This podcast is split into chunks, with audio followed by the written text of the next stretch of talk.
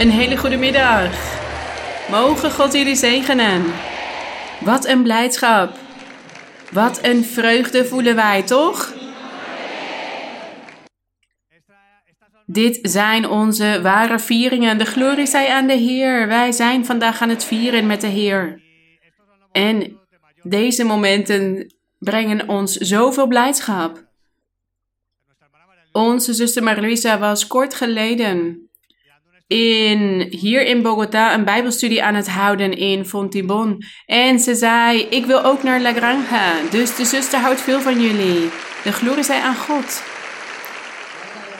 Zuster Marluisa, dit zijn de vruchten van uw werk. Onze zuster werkt erg hard. Ze doet zoveel moeite. Zij is erg gedisciplineerd. Zij concentreert zich op wat ze doet, want zij houdt met al haar krachten van de Heer. En zij geeft alles voor God. Zij, haar hele dag is altijd voor de Heer en voor de kinderen van God. En daarom zien wij hier de vruchten van haar werk. De glorie aan de naam van onze Heer. Een prachtig, wonderbaarlijk voorbeeld van onze zuster Marie-Louisa. Laten wij deze momenten, deze Bijbelstudie aan God wijden, aan God opdragen met heel ons hart. Laten we gaan bidden. Heere der Ere, goede Vader, grote Vader, groot bent u en wonderbaarlijk. Hoe zouden we u nou niet kunnen verheerlijken? De eer kunnen geven, de glorie. Want omwille van uw naam, omwille van alles wat wij meemaken hier in uw huis, kijk naar die rijen mensen, al die mensen die vandaag naar binnen wilden met veel verlangen. Zij wilden allemaal bij deze geestelijke viering aanwezig zijn, maar dat komt hier omdat u ons aantrekt. U bent het die elk hart heeft veroverd, elk verstand. U hebt ervoor gezorgd dat wij van u willen houden en dat wij u willen volgen. En daarom willen wij dit moment aan u opdragen. En wij vragen u om ons veel wijsheid te geven, intelligentie en veel geestelijke capaciteiten, zodat al deze kennis die wij vandaag gaan ontvangen in ons hart blijft. Zodat het vers in de Bijbel wordt vervuld dat de aarde vol zal zijn van de kennis van God. Mogen ons hart vol zijn van alles wat onze zuster ons vandaag gaat onderwijzen. En alles wat u vandaag gaat openbaren. Wat u in haar mond gaat zetten. In haar hart. Het is als een bron die nooit ophoudt met stromen. Al die moeite die onze zuster doet. Voor het volk van God. Die overgave aan u. Wij genieten daarvan en wij willen hierdoor ook moeite doen voor u. Zodat u en ook onze zuster zich trots kunnen voelen op ons. Wij willen alles beoefenen in ons leven. Mogen dit zo zijn in de naam van onze Heer Jezus Christus. Amen. Gezegend zij onze God. Amen. De glorie zijn onze God. Zijn we gelukkig? Laten we gaan lezen in het boek van Matthäus. Het Evangelie volgens Matthäus, hoofdstuk 22. Matthäus, hoofdstuk 22. En ja, broeder Andres, waar we het net over hadden, die liefde van God. Die liefde van onze zuster Marie-Louisa voor God. Als iemand ons zou vragen, ja, wat is er zo speciaal aan onze zuster Marie-Louisa, dan zou ik zeggen, ja, die liefde die zij heeft voor God en voor de kerk, voor de broeders. En daar gaan we het hier over, over hebben in de lezing. En daarom staat God haar ook bij. En daarom zegent God zoveel. En daarom had broeder Andres het net over die rijen van mensen die hier naar binnen wilden komen vandaag. Dit komt van door die liefde. Dit is niet eenvoudig, dit gebeurt niet zomaar. Dit is omdat wat wij meemaken prachtig is en groots. En wij genieten van een heerlijk banket hier van onze Heer. En ja, dat noemen wij dat wij wel zalig zijn. We zijn gezegend. De gezegende van God. Matthäus 22, vers 36. Zijn jullie er al? 22, vers 36. Hier staat voor de glorie van onze Heer. Meester. Ze vroegen aan de Heer Jezus, Meester, wat is het grote gebod in de wet? En wat voor antwoord gaf de Heer Jezus? Lezen jullie maar.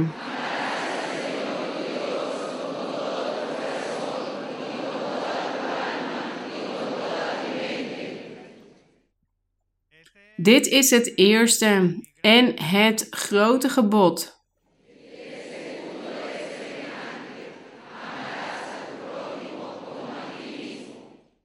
Is dit makkelijk voor jullie?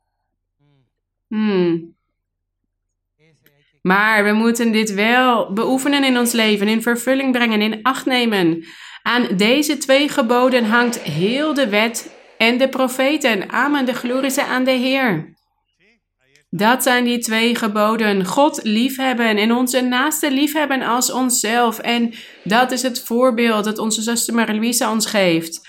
U kunt allemaal plaatsnemen. Laten we een aantal lofliederen zingen.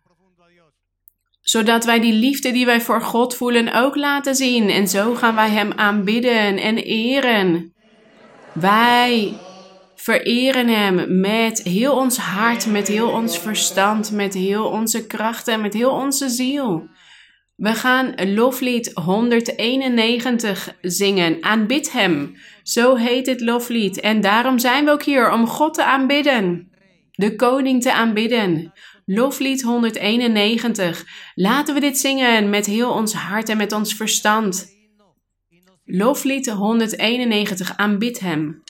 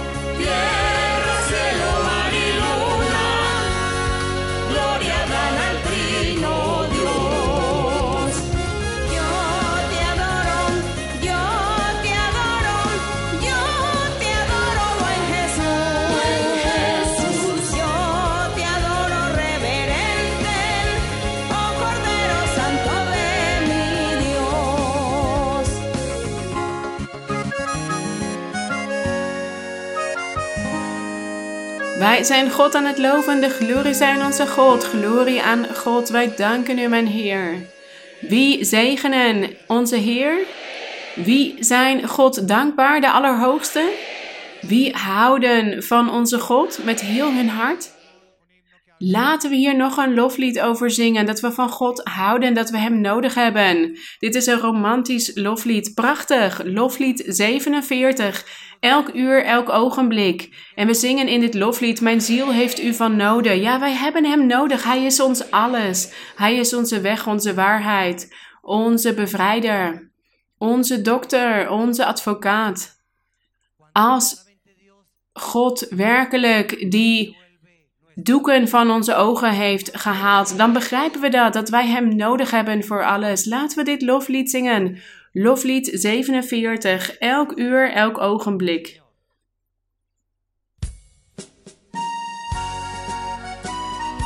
Laten we allemaal onze Heer loven, de glorie zijn onze God. Groot bent u, mijn God. Wij houden van u, wij aanbidden u.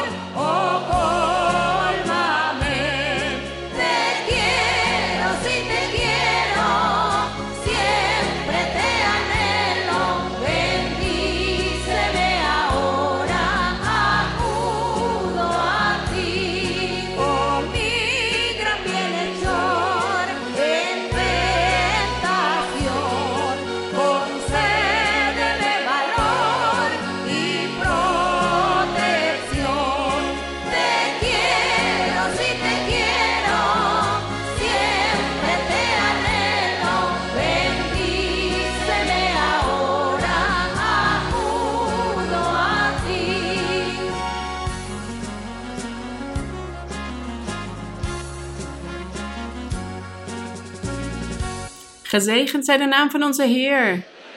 Wat een romantisch loflied. Wat een prachtige woorden. Welke woorden hebben we gezongen? Mijn ziel heeft u van noden. Ja, dat is romantisch. Wij hebben Hem nodig. En ook mijn ziel zucht steeds naar U. Wij zuchten naar onze God. Wij verlangen naar Hem. Dat is iets van onze ziel. Prachtig. De glorie is aan onze Heer. Laten we gaan staan en laten we koren gaan zingen en een bereidwillig hart hebben voor onze God. Koor 3. Mijn ziel, loof de Heer met vurigheid. Daarom zijn we hier, om de Heer te loven, ook om geloofsleer te leren. En als we meer geloofsleer kennen, dan kunnen we God ook meer loven met meer vurigheid. Amen. Koor 3. Mijn ziel, loof de Heer met vurigheid.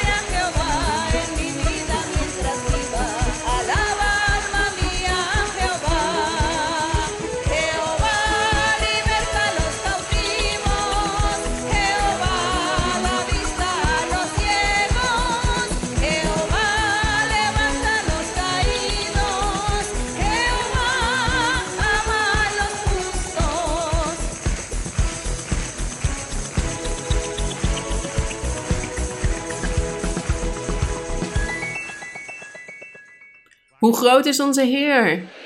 Hoe prachtig is het God te loven? Laten we tot slot koor. Koor 135 zingen. Wees vlijtig. En laten wij dit ook doen in ons leven. Vlijtig zijn voor God om voor God te kunnen staan. Als beproefde kinderen. Koor 135. Wij danken u, Heer. Wij danken u oneindig veel. De glorie zij aan God. Kijk, uw volk houdt van u en looft u. Iedereen zegent uw naam.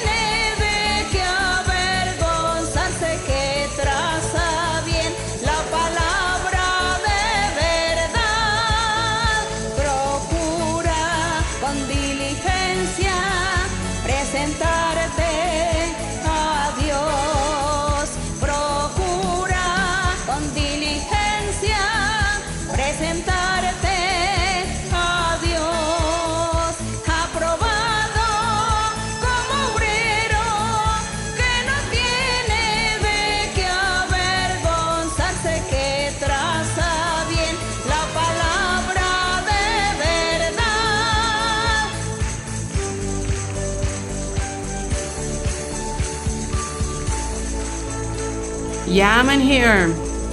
Hier staan wij. En hier zullen wij staan en we zullen doorgaan op deze weg.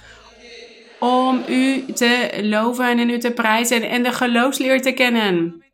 We willen niet alleen maar hoorders zijn, maar ook daders, doeners van het woord van God. En daarvoor laten we onze zuster Marie-Louise, onze geliefde zuster Marie-Louise ontvangen. Mogen God jullie allemaal zegenen.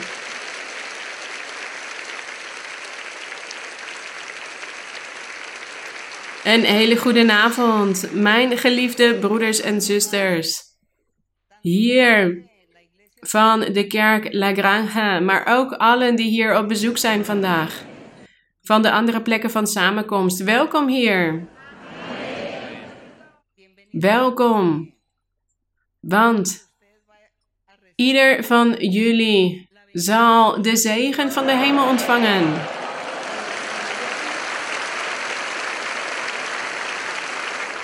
En ik vertel jullie, u kunt allemaal plaatsnemen, broeders. Ik vertel jullie dat ik mij erg gelukkig voel. Ik hoor, ik luister naar die broeders die het hebben over het begin van de kerk. Over hoe lang we al met de kerk bezig zijn. Ja, het is al meer dan 50 jaar ondertussen. En in meer dan 50 jaar heb ik de hand van God gezien, die zijn beloften in vervulling brengt, die zegent, wonderen verricht, tekenen. Hij troost, hij verandert levens en hij geeft vrede en geluk. Dat heb ik gezien. Elke dag weer. Elke dag weer. En toen ik hier net aankwam, zag ik die lange rijen, de hele straat lang, van al die broeders die hier naar binnen wilden gaan. En ik dacht, ja, zij komen, want zij hebben God nodig. Zij hebben hoop in hun hart. dat zij weldaden, zegeningen van onze God gaan ontvangen. Ze he- hebben honger en dorst naar het woord van God. En ze komen ook om God te bedanken, omdat God zich heeft geopenbaard en zoveel dingen heeft gedaan in hun leven. En dit is ook een moment om God te bedanken. En ik dacht, ja, zij verlangen ernaar in hun hart om die geloofsleer te kennen, om God te behagen. Om de weg van God te leren kennen, dat is prachtig. Dat is mooi. En dat is de reden dat wij hier zijn. En daarom zag ik die rijen met mensen die naar binnen wilden. En ik dank jullie, want sommigen van jullie willen mij persoonlijk zien. Maar ik weet dat wat jullie hebben is dorst naar God. Jullie dorsten naar God, naar het woord van God en tekenen en wonderen. De kracht van God in jullie leven. Daarom zijn jullie hier en daar danken we onze God voor. Wij danken onze Heer. Toen Luis Eduardo Moreno, broeder Luis Eduardo Moreno, stierf, was de kerk al 25 jaar bezig. En de Heilige Geest zei tegen mij: Neem de teugels van de kerk in je handen. En ik begreep dat niet. Op dat moment, ik moest in een woordenboek de betekenis van de teugels in je handen nemen.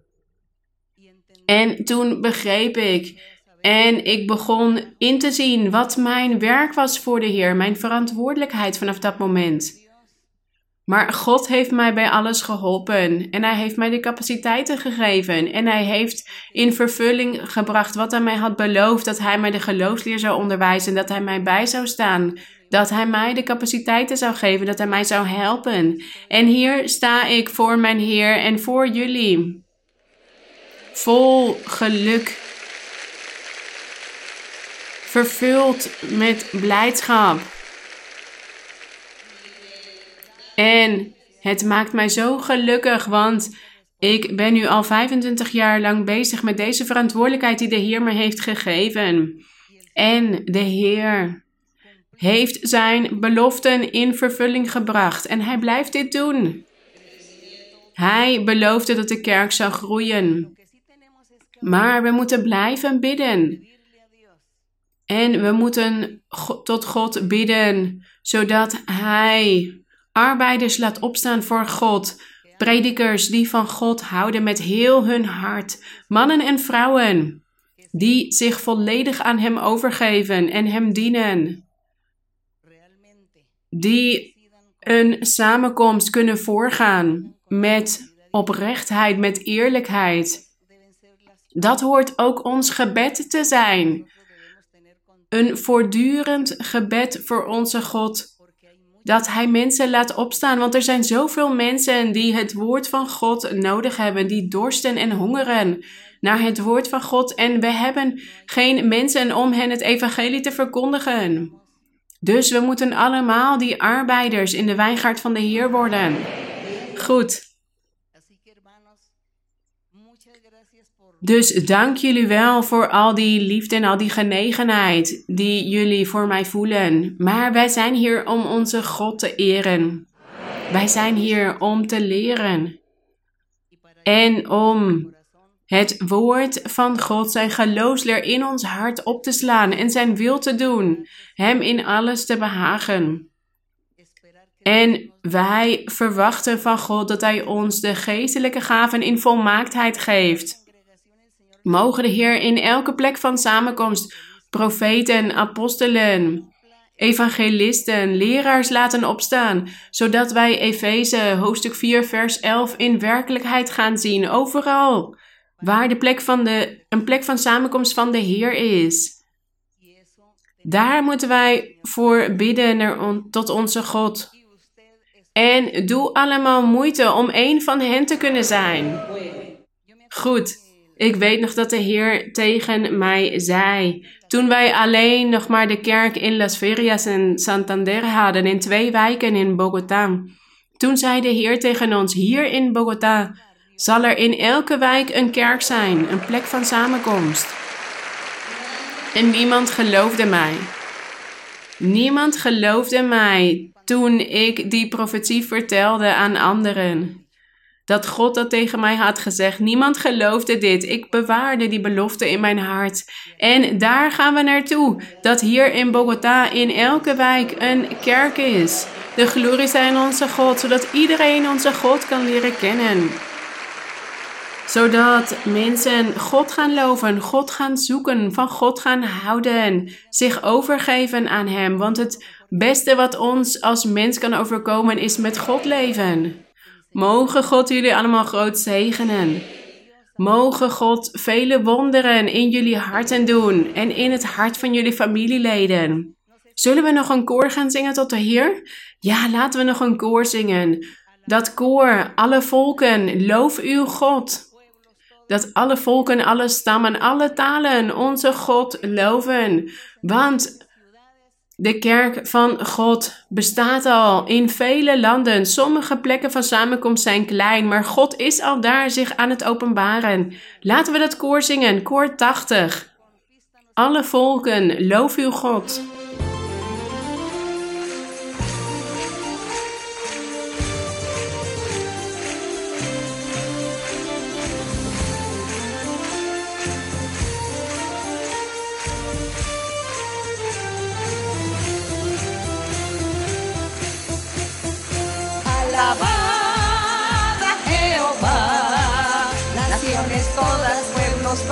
a la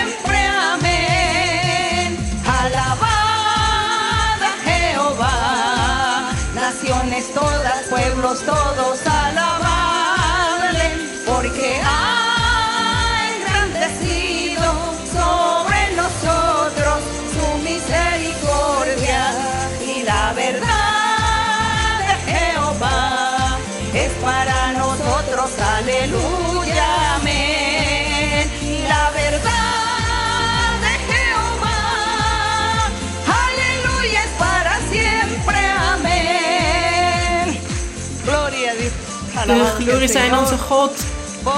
Geprezen zij onze Heer. Luisterrijk, wonderlijk is onze Heer. We Gracias danken u. U kunt allemaal plaatsnemen. En laten we nu beginnen met de vragen van vandaag. Zusters, broeders, goedemiddag. Zuster Marie-Louisa, ik wil u graag vertellen. Ik hou heel veel van u en ik, ik bewonder u. En vandaag heeft God mij die belofte vervuld dat ik u een vraag zou mogen stellen. En mijn vraag gaat over Genesis. Genesis hoofdstuk 15, vers 3 en 4. Ja, zuster, u kunt lezen.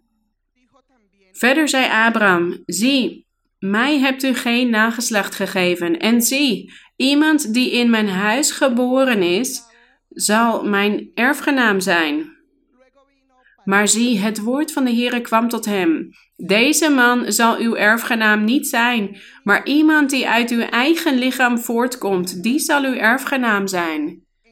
En in Genesis 16, vers 1 tot en met 3 staat: Maar Sarai, de vrouw van Abraham, had, geen kinderen, had hem geen kinderen geschonken. Nu had zij een Egyptische slavin, van wie de naam Hagar was.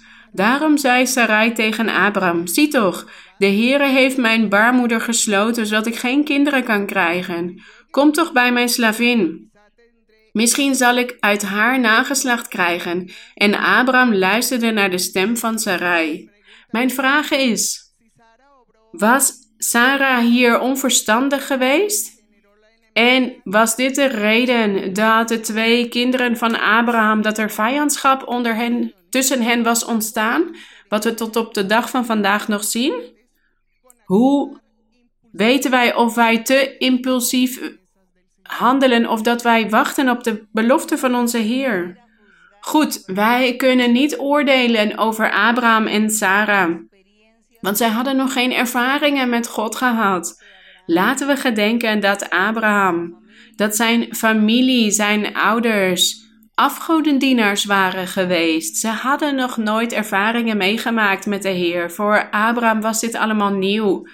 Toen God zich begon te openbaren aan hem en tot hem begon te spreken. Voor hen was dit moeilijk om in alles te geloven, om die zekerheid en die overtuiging te hebben en geestelijke volwassenheid. Moeilijk, ja, want ze hadden de hand van God nog niet gezien, die wonderen. Dus, Sarah. En we lezen hier ook niet dat Abraham die belofte van God aan Sarah had verteld. Hij had het vast in zijn hart bewaard. Hij had het vast niet aan zijn vrouw verteld. En Sarah die zag dat zij geen kinderen kon krijgen. Dus wat er in die tijd normaal was, was dat zij voorstelde dat haar man dus kinderen zou krijgen met hun slavin.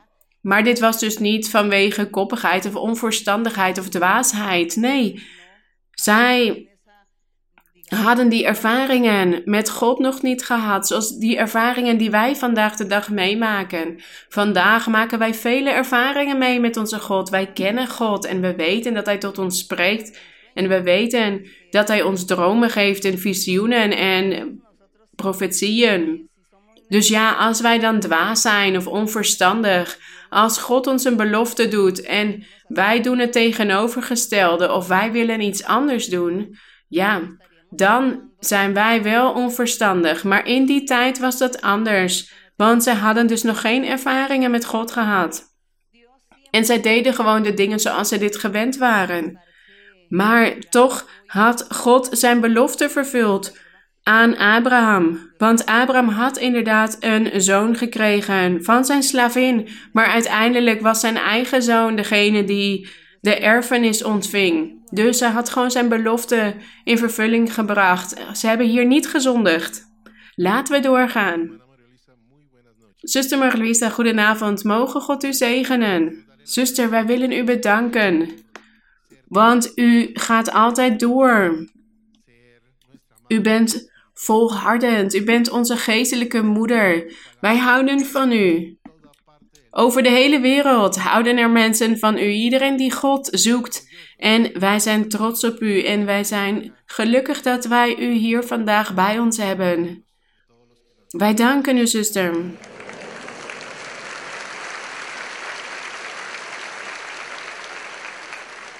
Zuster, ik heb samen met mijn vrouw een vraag, want wij hebben veel in de Bijbel gelezen de laatste tijd. En God heeft altijd alles vanaf het begin der tijden bepaald. Het leven, de natuur, de dieren. Er zijn wetten voor alles. En de wil van God. En wij nemen zijn, wij volgen zijn wil. Maar in het plan van God zien wij dat hij ook wel eens uitzonderingen maakt. Voor bepaalde mensen of bepaalde situaties. Bijvoorbeeld zoals met het eerstgeboren recht. Wat we in de Bijbel lezen in het Oude Testament, dat het altijd de eerste zoon was die de zegening ontving. Maar met Jacob had hij bijvoorbeeld een uitzondering gedaan. Dus wij willen graag God beter leren kennen. Dat plan dat God met ons heeft, maar soms maakt hij ook uitzonderingen. Hoe kunnen wij hier meer van weten, zuster? Goed, broeder, wat, wat wilt u graag weten? Wat heeft u hierover in de Bijbel gelezen? U zegt dat u de Bijbel aan het lezen bent. Ja, die eerste boeken, de geschiedenis van al die personages en die belofte die God hen had gedaan. Ja, de oudste zoon was altijd degene die de grootste zegen ontving. En als wij naar ons leven vandaag de dag kijken, ja, soms doet God ons ook een belofte en die worden pas jaren later in vervulling gebracht. Maar er zijn ook dingen die Hij snel doet in ons leven. Bijvoorbeeld, ik zal je genezen en ik zal je een baan geven. En soms doet Hij die dingen heel snel.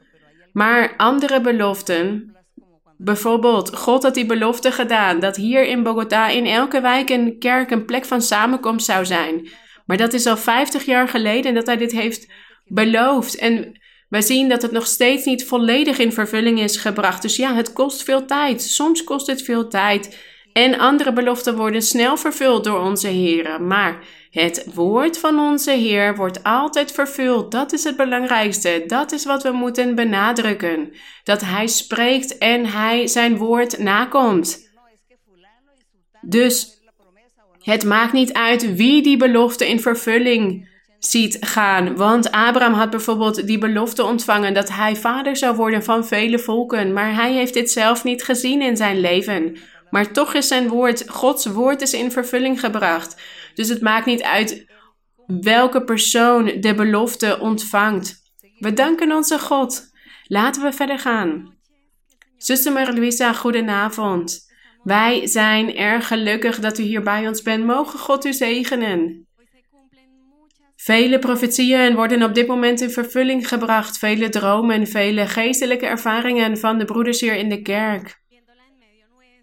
En vandaag hebben wij deze prachtige maaltijd met onze Heer, met onze Koningin in ons midden. Dank u dat u bij ons bent.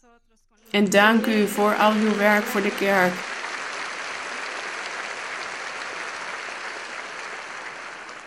Zuster, ik wil u graag een vraag stellen over de Bijbel. Johannes, het Evangelie volgens Johannes, hoofdstuk 20, vers 21 en 22. Johannes 20, vers 21. Hier gaat het over de Heer Jezus Christus. Toen hij was opgestaan uit de dood en hij verscheen aan de discipelen. En hij zei tegen hen: Vrede zij u. Zoals de Vader mij gezonden heeft, zend ik ook u. Vers 22. En nadat hij dit gezegd had, blies hij op hen en zei tegen hen: Ontvang de Heilige Geest.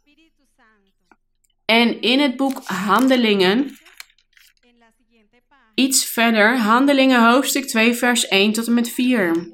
Hier staat in het woord van de Heere.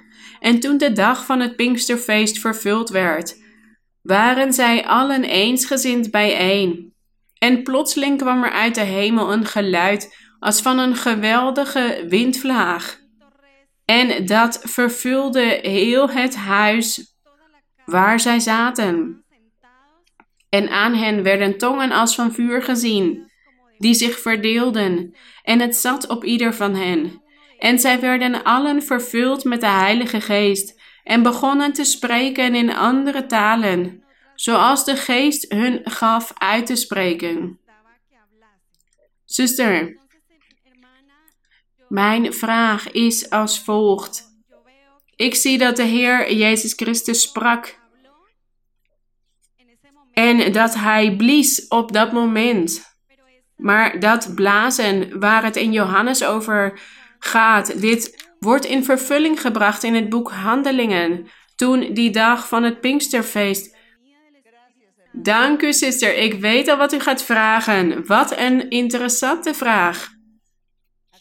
De Heer zei nadat hij was opgestaan uit de dood en voordat hij naar de hemel was opgevaren, hij zei: Ontvang de Heilige Geest. En hij blies over hen. En ja, de discipelen hadden ook echt de Heilige Geest ontvangen op dat moment. Maar ze waren nog niet in andere talen, in geestelijke talen aan het spreken. Dus op dat moment hadden ze de Heilige Geest ontvangen, maar ze hadden het niet door. Ze voelden blijdschap, geluk in hun hart, een verandering in hun leven, liefde voor God en die zin om te strijden en om door te gaan. En ook die wil, die bereidwilligheid om zich op te offeren voor het woord van de Heer. Dus zij hadden de Heilige Geest in hun wezen ontvangen op dat moment om al die vervolgingen te kunnen doorstaan. Dat wat zij moesten meemaken in hun leven. Die vijanden die de apostelen zouden hebben. Zouden hen vele dingen aandoen en daarvoor hadden ze de Heilige Geest ontvangen. En in handelingen, wat u daarna hebt gelezen, staat in Handelingen hoofdstuk 1, vers 5 staat: Want Johannes doopte wel met water, maar u zult met de Heilige Geest gedoopt worden, niet lang na deze dagen. En in vers 3 daarvoor al staat: Hij heeft zichzelf, nadat hij geleden had, ook levend aan hen vertoond, met veel onmiskenbare bewijzen, veertig dagen lang, waarbij hij door hen gezien werd en over de dingen sprak die het koninkrijk van God betreffen. En toen hij met hen samen was, beval hij hun dat ze niet uit Jeruzalem weg zouden gaan, maar de belofte van de Vader zouden verwachten, die u, zei hij, van mij gehoord hebt. Dus zij moesten nog wachten om die kracht uit de hoogte te ontvangen. Zij hadden dus de Heilige Geest al ontvangen, maar zij waren nog niet bekleed met de kracht uit de hoogte. En die bekleding met de kracht uit de hoogte, dat is wat hier in hoofdstuk 2 gebeurde op de dag van het Pinksterfeest. Dat de Heilige Geest over hen kwam en dat ze allemaal in geestelijke talen begonnen te spreken en te profeteren. Omdat zij op dat moment met de kracht uit de hoogte werden vervuld. Zij hadden die kracht uit de hoogte nodig om te kunnen handelen met de geestelijke gaven.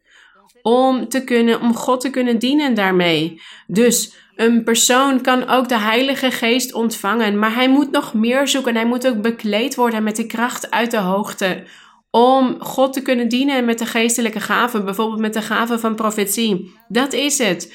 Dus het spreekt elkaar niet tegen. Het is geen vergissing. Nee, op het ene moment hadden ze de Heilige Geest ontvangen, maar ze hadden dus nog niet de kracht uit de hoogte. Daar waren ze nog niet mee bekleed zodat ze konden gaan profiteren en wonderen verrichten. Want op die dag waren er ook vele wonderen verricht in het boek Handelingen. Dus Maak jullie geen zorgen, de Heilige Geest is met jullie. Maar als dus iemand nog niet in geestelijke talen heeft gesproken, vraag het aan God, want dat hebt u nodig om bekleed te worden met de kracht uit de hoogte. Om God te kunnen dienen. Laten we verder gaan. Zuster Maria Luisa, goedenavond. Mogen God u zegenen. Welkom hier in de kerk La Granja in Colombia. Wij danken u en wij verwelkomen u.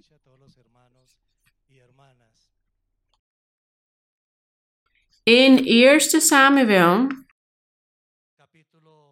hoofdstuk 17, hier gaat het over dat koning David, toen hij nog geen koning was, dat hij tegen die Filistijn begon te vechten, tegen Goliath.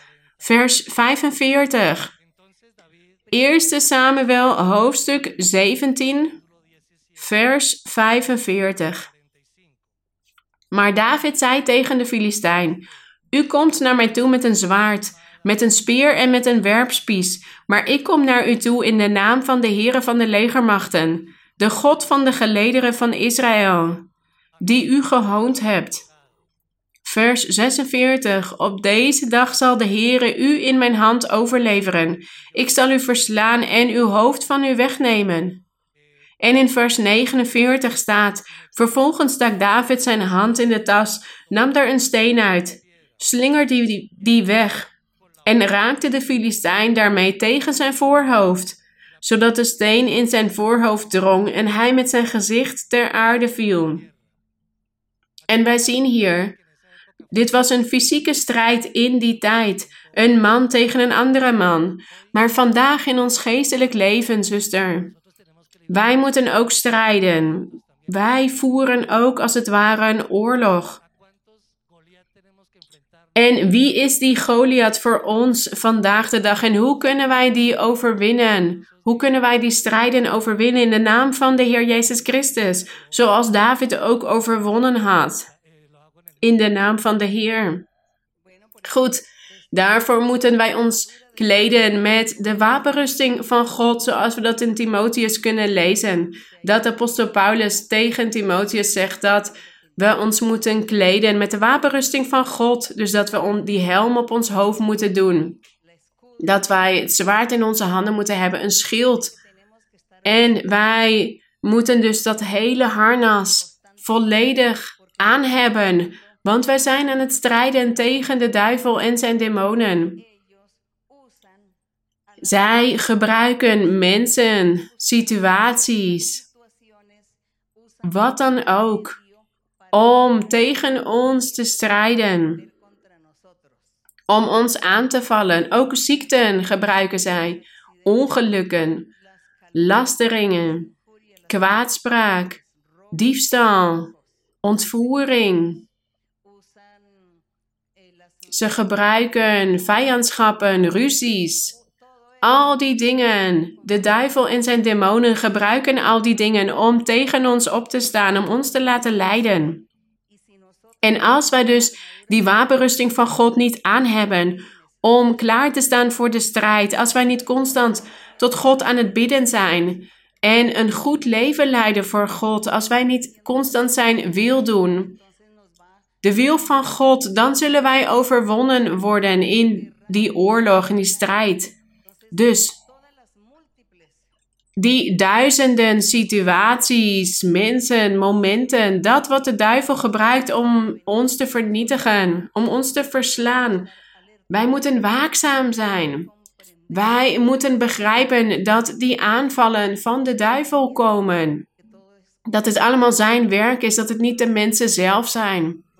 Dat wij niet tegen die mensen strijden, maar tegen de vijand die hen gebruikt. Want hij gebruikt hen om ons pijn te doen. Dus ons gebed en onze manier van leven voor God, dat is wat ons helpt om te overwinnen.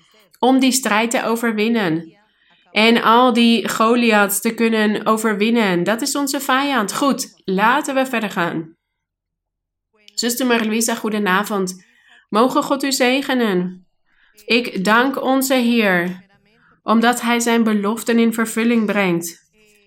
Mijn vraag staat in Hebreeën hoofdstuk 11, vers 1. Ja, zuster, u kunt lezen.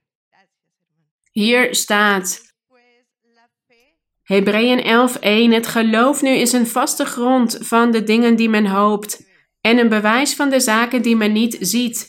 Zuster Marie-Louisa, mijn vraag gaat over de profetie.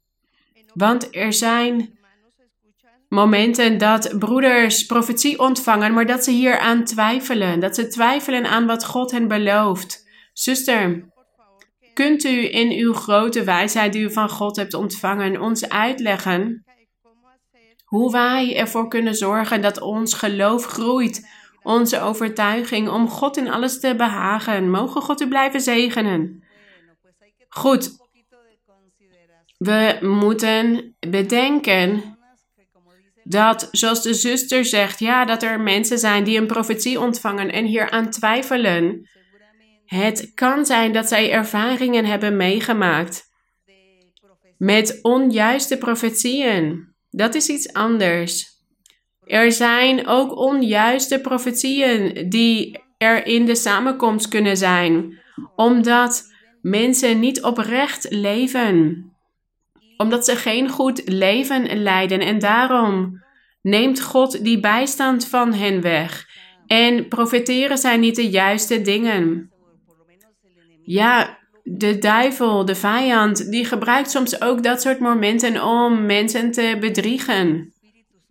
Want er zijn ook kwade geesten die in de mensen kunnen gaan wonen en hun beheersen, hun gedrag beheersen. Dan zijn ze niet meer bij hun gezonde verstand en dan komen ze naar de kerk toe en ze willen veranderen en ze proberen te veranderen, maar ze kunnen dit niet. En het kan zijn dat de duivel hen gebruikt om het werk van de Heilige Geest te imiteren.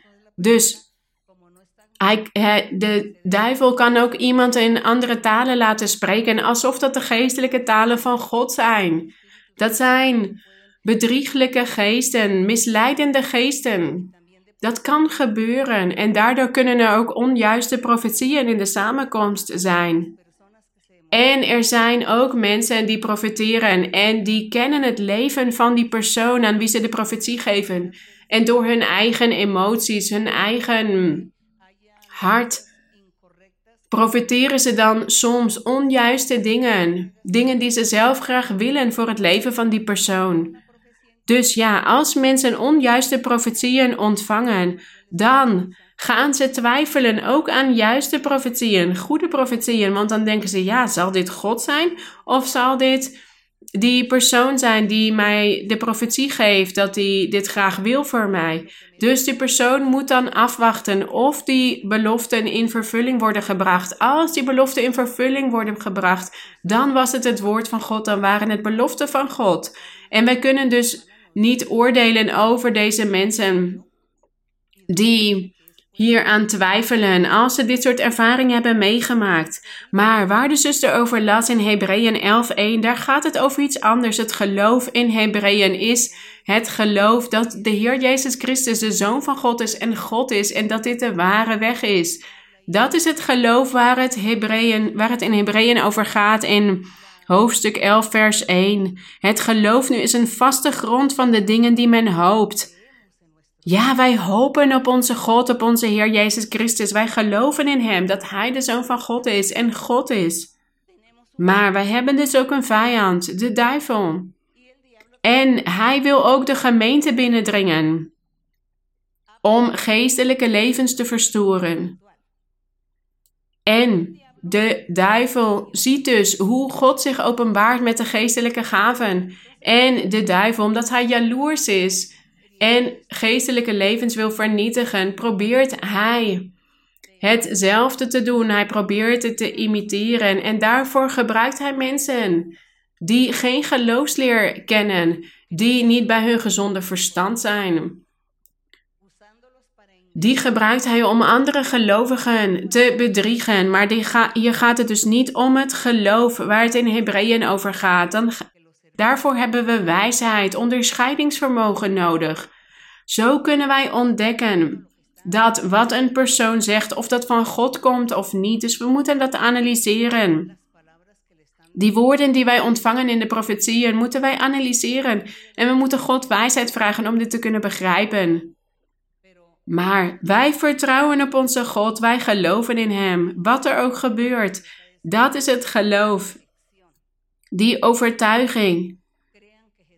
Wij geloven erin dat de Heer Jezus Christus de enige weg is naar het eeuwige leven. Maar ja, in de samenkomst zijn er dus ook wel eens mensen die niet de wil van God doen. En daarom moeten wij ook de brieven van de apostelen lezen, want zij hebben ook allemaal ervaringen meegemaakt met misleidende geesten. Zij hebben valse profeten gezien, valse leraars, valse herders. En daarom schrijven zij ook in hun brieven: wees waakzaam, wees behoedzaam. Want de duivel probeert altijd de gemeente binnen te dringen. En vandaag de dag is hetzelfde, maar dat heeft dus niks te maken met het geloof. Ja, een persoon kan twijfelen aan profetieën. Hij heeft dat recht. Hij mag twijfelen als hij dat een keer mee heeft gemaakt. Dat hij een keer is misleid door een verkeerde profetie. Dus praat dan met de pastoor, praat dan met de herder, met de prediker. Zodat hij jullie hierbij kan helpen als dit zich voordoet. Goed, laten we verder gaan. Zuster Marie-Louisa, goedenavond. Mogen God u zegenen. De kerk van La Granja is hier verblijd door uw aanwezigheid. God heeft vandaag zijn volk bezocht. Zuster, mijn vraag staat in Deuteronomium 28, vers 15. In de eerste versen van Deuteronomium hoofdstuk 28 gaat het over de zegeningen die mensen ontvangen als ze God gehoorzaam zijn. Maar vanaf vers 15 staan ook de vervloekingen. Als men niet gehoorzaam is, hier staat vers 15. Daarentegen zal het gebeuren als u de stem van de Heere uw God niet gehoorzaam bent, door al zijn geboden en zijn verordeningen die ik u heden gebied nauwlettend te houden, dat al deze vervloekingen over u zullen komen en u zullen treffen. Zuster, vandaag in de kerk. Wij weten ook dat velen nog lijden onder vervloekingen vanwege ongehoorzaamheid aan God. Maar al deze vervloekingen in Deuteronomium kan dit ook de kerk treffen vanwege ongehoorzaamheid? Of omdat de Heer op het kruis is gestorven, zullen wij hier niet meer onder lijden? Goed, deze zegeningen en vervloekingen. Het is belangrijk dat jullie allemaal het hele hoofdstuk lezen. We kunnen ze ook in Leviticus lezen, wanneer jullie daar tijd voor hebben. Deze vervloekingen bestaan sinds die tijd tot op de dag van vandaag en tot op de dag dat de Heer in de wolken zal komen. Deze vervloekingen blijven van kracht. Zegeningen voor degenen die geloven en gehoorzaam zijn. Die God behagen en vervloekingen of straffen voor de ongelovigen, ongehoorzamen. Degenen die lauw zijn, die zich niet volledig bekeren tot God. Zij zullen getroffen worden door die vervloekingen. En ja, toen wij ook, voordat wij deze kerk hebben leren kennen, de kerk van God, toen wij nog in andere gemeenten waren en kerkgenootschappen, toen leden wij ook onder deze vervloekingen. Vanwege de zonden van al onze voorouders. Wij hebben dit allemaal geërfd van onze voorouders, die vervloekingen. Dat is generatie op generatie doorgegaan tot op de dag van vandaag. Maar wanneer wij God leren kennen, neemt God die vervloekingen weg, soms volledig, soms deels. Hij geeft ons een nieuw leven. Hij zegt: Ik zal je een nieuw leven geven. Je zult opnieuw geboren worden. Je zult een nieuw mens zijn. Je leven zal nu anders zijn. En als die persoon gehoorzaam is aan God, dan zal God die persoon beginnen te reinigen en vele vervloekingen wegnemen. Maar als er mensen zijn die de weg van de Heer leren kennen en in de samenkomst zijn, samenkomen, maar niet veranderen in hun leven, als ze blijven zondigen, als ze niet bereidwillig zijn om voor God te veranderen, als ze ongehoorzaam blijven en de Heilige Geest spreekt tot hen dat ze moeten veranderen, dat ze anders moeten denken, dat ze anders moeten handelen of wat dan ook. Als die persoon daar niet gehoorzaam aan is, ja, dan zal hij blijven lijden onder die vervloekingen, die straffen die hij al had ontvangen, voordat hij God leerde kennen. Dus ja, dit is iets wat God heeft bepaald voor de mensheid, tot op de dag dat de Heer zal komen in de wolken. En daarom strijden wij ook elke dag. Dat wij hier niet onder hoeven te lijden. En daarom hebben wij ook die wapenrusting van God aan, elke dag weer, om het eeuwige leven te kunnen verkrijgen, om bij God te blijven, zodat Hij ons de overwinning geeft in deze strijd. Goed, dat is het. Laten we nog één of twee vragen doen. Twee vragen nog. Zuster Marie-Louisa, goedenavond. Mogen God u zegenen. Ik dank onze Heer en ik dank ook u dat u zoveel van ons houdt. En dat u altijd zoveel moeite doet. En dat u ons deze geestelijke rijkdommen onderwijst. De geloofsleer van de Heer. Ik wil graag lezen in Hebreeën hoofdstuk 5, vers 11. Voor mijn vraag. Hebreeën 5, vers 11. Over Hem hebben wij veel dingen te zeggen die moeilijk zijn om uit te leggen, omdat u traag geworden bent in het horen. Want hoewel u gelet op de tijd leraar zou moeten zijn, hebt u weer iemand nodig die u onderwijst in de grondbeginselen van de woorden van God. U bent geworden als mensen die melk nodig hebben en niet vast voedsel. Zuster, hier zei de apostel dat de Hebreeën traag waren geworden om te horen en dat ze dus nog steeds melk nodig hadden en geen vast voedsel. Dat ze leraar zouden moeten zijn. Zuster, hoe is dit voor ons? Hoe kunnen wij ervoor zorgen dat wij niet traag zijn om te horen? Goed, zuster, vandaag gebeurt hetzelfde. Deze vermaning was niet alleen voor de Hebreeën. Het is ook voor ons vandaag de dag. Vandaag gebeurt precies hetzelfde. We onderwijzen de geloofsleer. Maar als iemand niet oplet, als iemand niet verandert, als iemand hier niet naar luistert, als iemand niet wil veranderen, als iemand God niet wil behagen, dan blijft hij zijn hele leven lang melk nodig hebben. Wie heeft er altijd melk nodig? Baby's.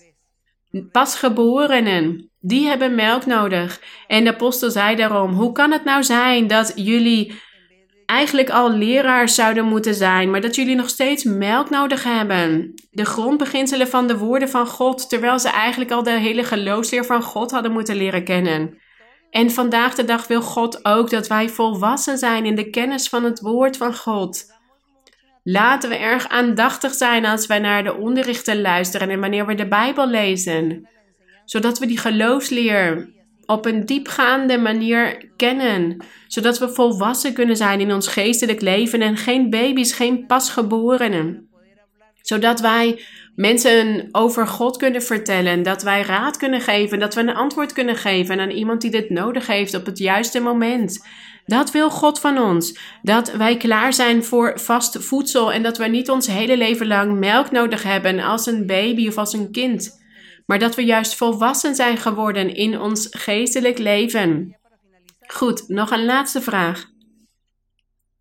Zuster Marie-Louisa, goedenavond. Mogen God u zegenen? Het is een eer om hier voor u te mogen staan. Het is een belofte van de Heer vervuld.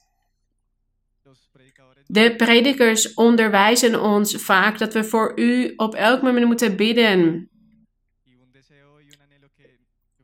Dat u gezegend wordt door God, dat u nog vele jaren leven, te leven krijgt van onze God. Dat u net zoveel jaren krijgt als Noach of Abraham. Mogen God u groot zegenen, zuster. Mijn vraag gaat over die hekserijen en toverijen, bezweringen en al die, al die dingen. En wij weten dat hier geestelijke gaven voor zijn om dit te verbreken, om toverspreuken te verbreken. Maar als wij die gaven niet hebben, hoe kunnen wij dan als gelovigen op een wijze manier tot God bidden voor die broeders en zusters die hieronder lijden, die lijden onder toverijen, hekserijen? Maar ja, dat wij niet gedurfd zijn en maar denken dat wij die gaven hebben of de gaven van demonen uitdrijven. Hoe kunnen wij tot God bidden zodat deze mensen toch geholpen worden? Wat is de juiste manier? Goed, wat ik begrijp van de vraag van de broeder is dat er bijvoorbeeld mensen zijn die onwaardig zijn, die een, de gave van demonen uitdrijven of de gave van het verbreken van hekserijen onwaardig zijn. En dat ze dan toch gaan bidden, zodat God die hekserijen gaat verbreken. We moeten naar ons eigen leven kijken. Alleen wij kennen onszelf. Hoe leven wij voor God? Als wij ons leven analyseren en wij zeggen: Ja, ik leid een waardig leven, ik hou van God, ik heb mij afgezonderd van het kwaad, van roddels, kwaadspraak, kritiek, al die verborgen zonden. Ik heb mij daarvan afgezonderd. En ik zie personen die lijden onder kwade geesten, die gekweld worden door hekserijen, toverijen. En er is hier niemand met de gave van het verbreken van toverijen. Dus ik ga tot God bidden dat Hij mij bekleedt met de kracht uit de hoogte. Dat de Heer mij bijstaat als ik voor hen ga bidden. Want op dit moment is er niemand die voor hen kan bidden, die deze gave heeft. Maar ik zie dat die mensen lijden. En ik wil de handen opleggen. En de Heer zal mij helpen, de Heer zal mij bijstaan en deze personen bevrijden. Dat is wat we moeten doen. Maar daarvoor moeten wij dus wel een eerlijk leven leiden voor God, een oprecht leven zodat God ons bijstaat op zo'n moment. Zodat wanneer wij bidden voor deze mensen die gekweld worden door kwade geesten of hekserijen, tovenarijen, vervloekingen, dat Hij ons bijstaat. En de broeders die dus geestelijke gaven hebben ontvangen en een goed leven leiden die een goed getuigenis geven. Wees niet bang om te bidden voor dit soort mensen in dit soort gevallen. Doe dit met overtuiging, met zekerheid. En geloof dat God bij u is om die personen te bevrijden. Bid. Doe dit met geloof, met overtuiging, met zekerheid, met vertrouwen op God. Dat zijn die twee dingen waar we op moeten letten om te kunnen bidden in dit soort gevallen. Goed, laten we nog verder gaan met een laatste vraag. Zuster, wat een blijdschap, wat een vreugde dat wij u mogen zien. U bent de belangrijkste persoon hier op aarde en ik dank God voor uw leven. De kerk van La Granja ontvangt u met een grote omhelzing. En ik wil u vertellen dat mijn mooiste jaren, de mooiste jaren in mijn leven zijn geweest nu sinds ik de kerk ken. Mijn vraag staat in 2 Timotheus, hoofdstuk 1, vers 7. 2 Timotheus 1, vers 7. Want God heeft ons niet gegeven een geest van vreesachtigheid, maar van kracht en liefde en bezonnenheid. Mijn vraag is, zuster, ik wil graag begrijpen hoe wij die geestelijke dapperheid kunnen bereiken in ons leven, dat wij geen vreesachtigheid kennen, maar dat wij een levend offer zijn voor God en dat we God altijd loven en dat we altijd groeien in ons geestelijk leven. En dat wij het gezicht, het aangezicht van God ooit mogen zien. Goed, ik herhaal hetzelfde. We moeten eerlijk zijn, oprecht in ons geestelijk leven. Als een persoon zegt: Ja, ik ken de kerk al 15 jaar of 20 jaar. En ik heb de gave van profetie. Ik droom. Ik zie soms visioenen. Maar ik wil meer. Ik wil meer. Ik wil dat wanneer ik bid voor mensen, dat mensen gaan getuigen en zeggen dat zij een weldaad van God hebben ontvangen, een wonder, door mijn handoplegging. We verlangen daarnaar. Dus elke dag laten we niet zeggen, ja, omdat ik de kerk al twintig jaar ken, dat is genoeg. Nee, wij moeten altijd ons blijven voorbereiden met de lezing van de Bijbel, de geloofsleer kennen. En dat wij ook niet te fanatiek worden, te extreem. Dat wij zeggen dat wij dingen zonde gaan noemen die eigenlijk helemaal geen zonde zijn. Maar dat we ondertussen wel zelf zonden begaan en dat wij dat niet erkennen. Want ook al is er een persoon die zoveel jaren in de kerk is en de geestelijke gaven heeft, als hij toch zonden in zijn hart heeft, of onverstandigheid, fanatisme, onzekerheid, of dat die persoon niet bij zijn gezonde verstand is, of dat hij veel twijfelt, of niet op een goede manier handelt, dan ontbreekt het hem nog aan iets. Dus dan zal hij niet die volledige bijstand van de Heer ontvangen. Dus iedereen moet zichzelf analyseren en altijd tegen God zeggen: Help mij, zodat ik intelligent kan zijn, bij mijn gezonde verstand, dat ik alles kan begrijpen, dat ik weet hoe ik moet spreken, hoe ik de dingen moet doen. Hoe ik mensen een antwoord moet geven, hoe ik moet bidden, hoe ik mij moet gedragen in de kerk als een oprecht persoon, een persoon die bij zijn gezonde verstand is. We moeten altijd dit aan God vragen om ons te helpen. Want als u van God houdt, ja, u houdt van God en u wilt altijd in de kerk zijn, maar als u dit soort gebreken in uw hart hebt en u ontdekt dit niet of u wilt dit niet ontdekken, dan zal uw geestelijk lichaam niet groeien. Er zal geen voorspoed zijn, geen groei in uw geestelijk leven.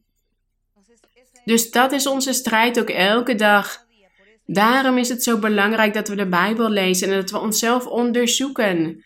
Dat we naar ons leven kijken en dat we zeggen: Oké, wat doe ik? Doe ik de dingen goed?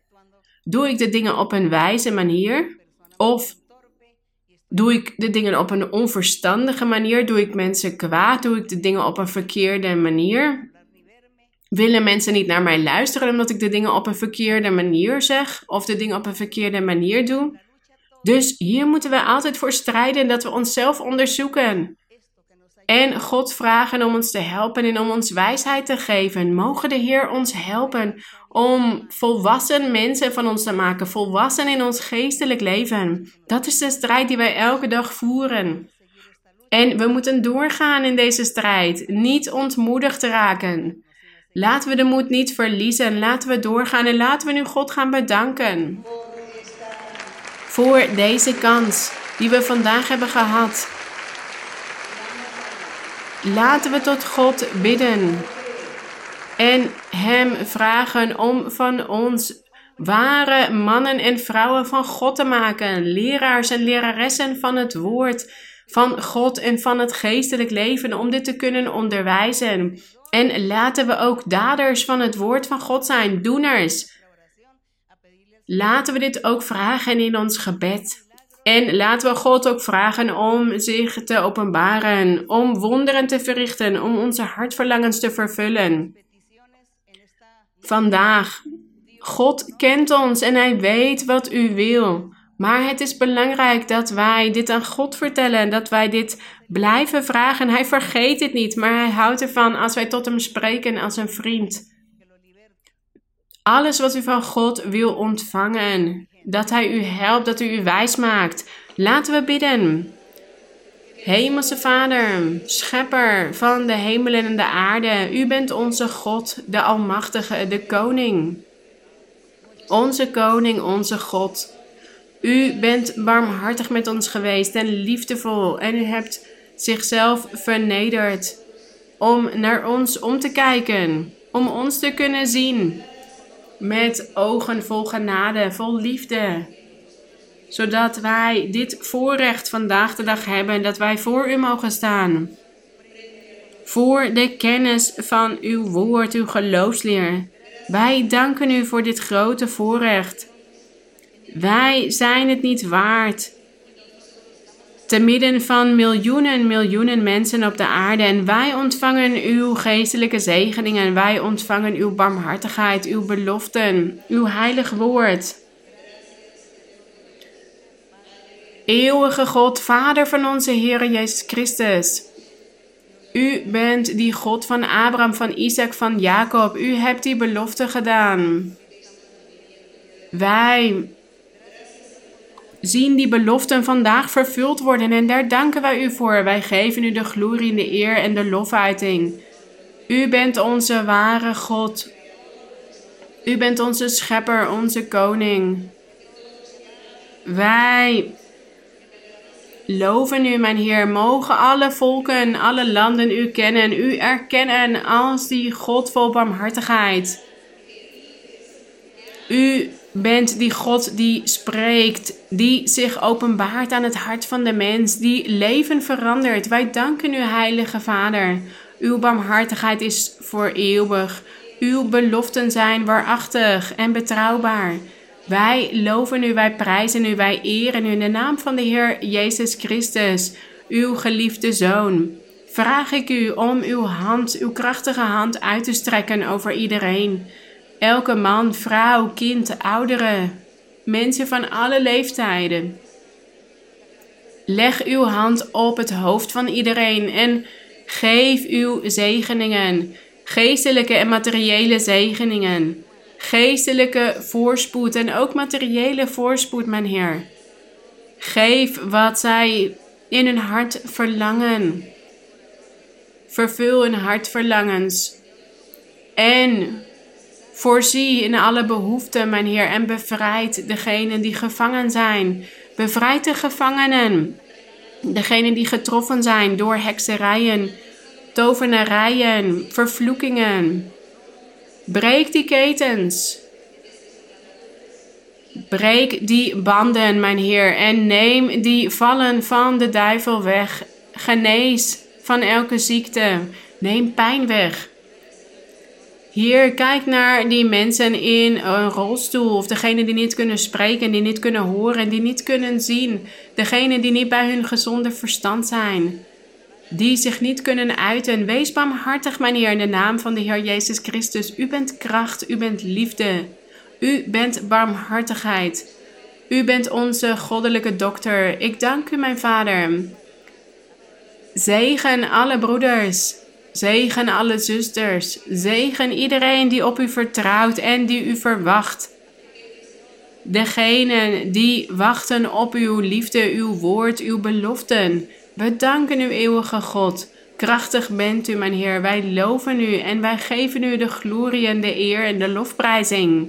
Wij danken u in de luisterrijke naam van Christus Jezus, uw geliefde Zoon. Wij danken u, mijn Heer. De lofprijzingen zijn aan u. Koor 169. Groot is onze Heer. Y muy digno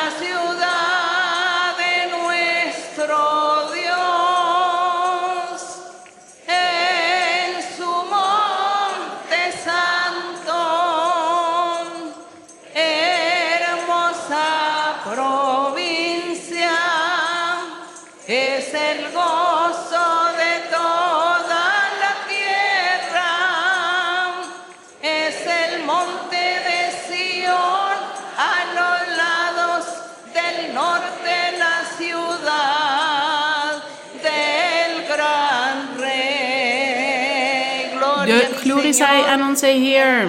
Geloofd en geprezen zij onze God. Wij danken onze Koning, onze Vader.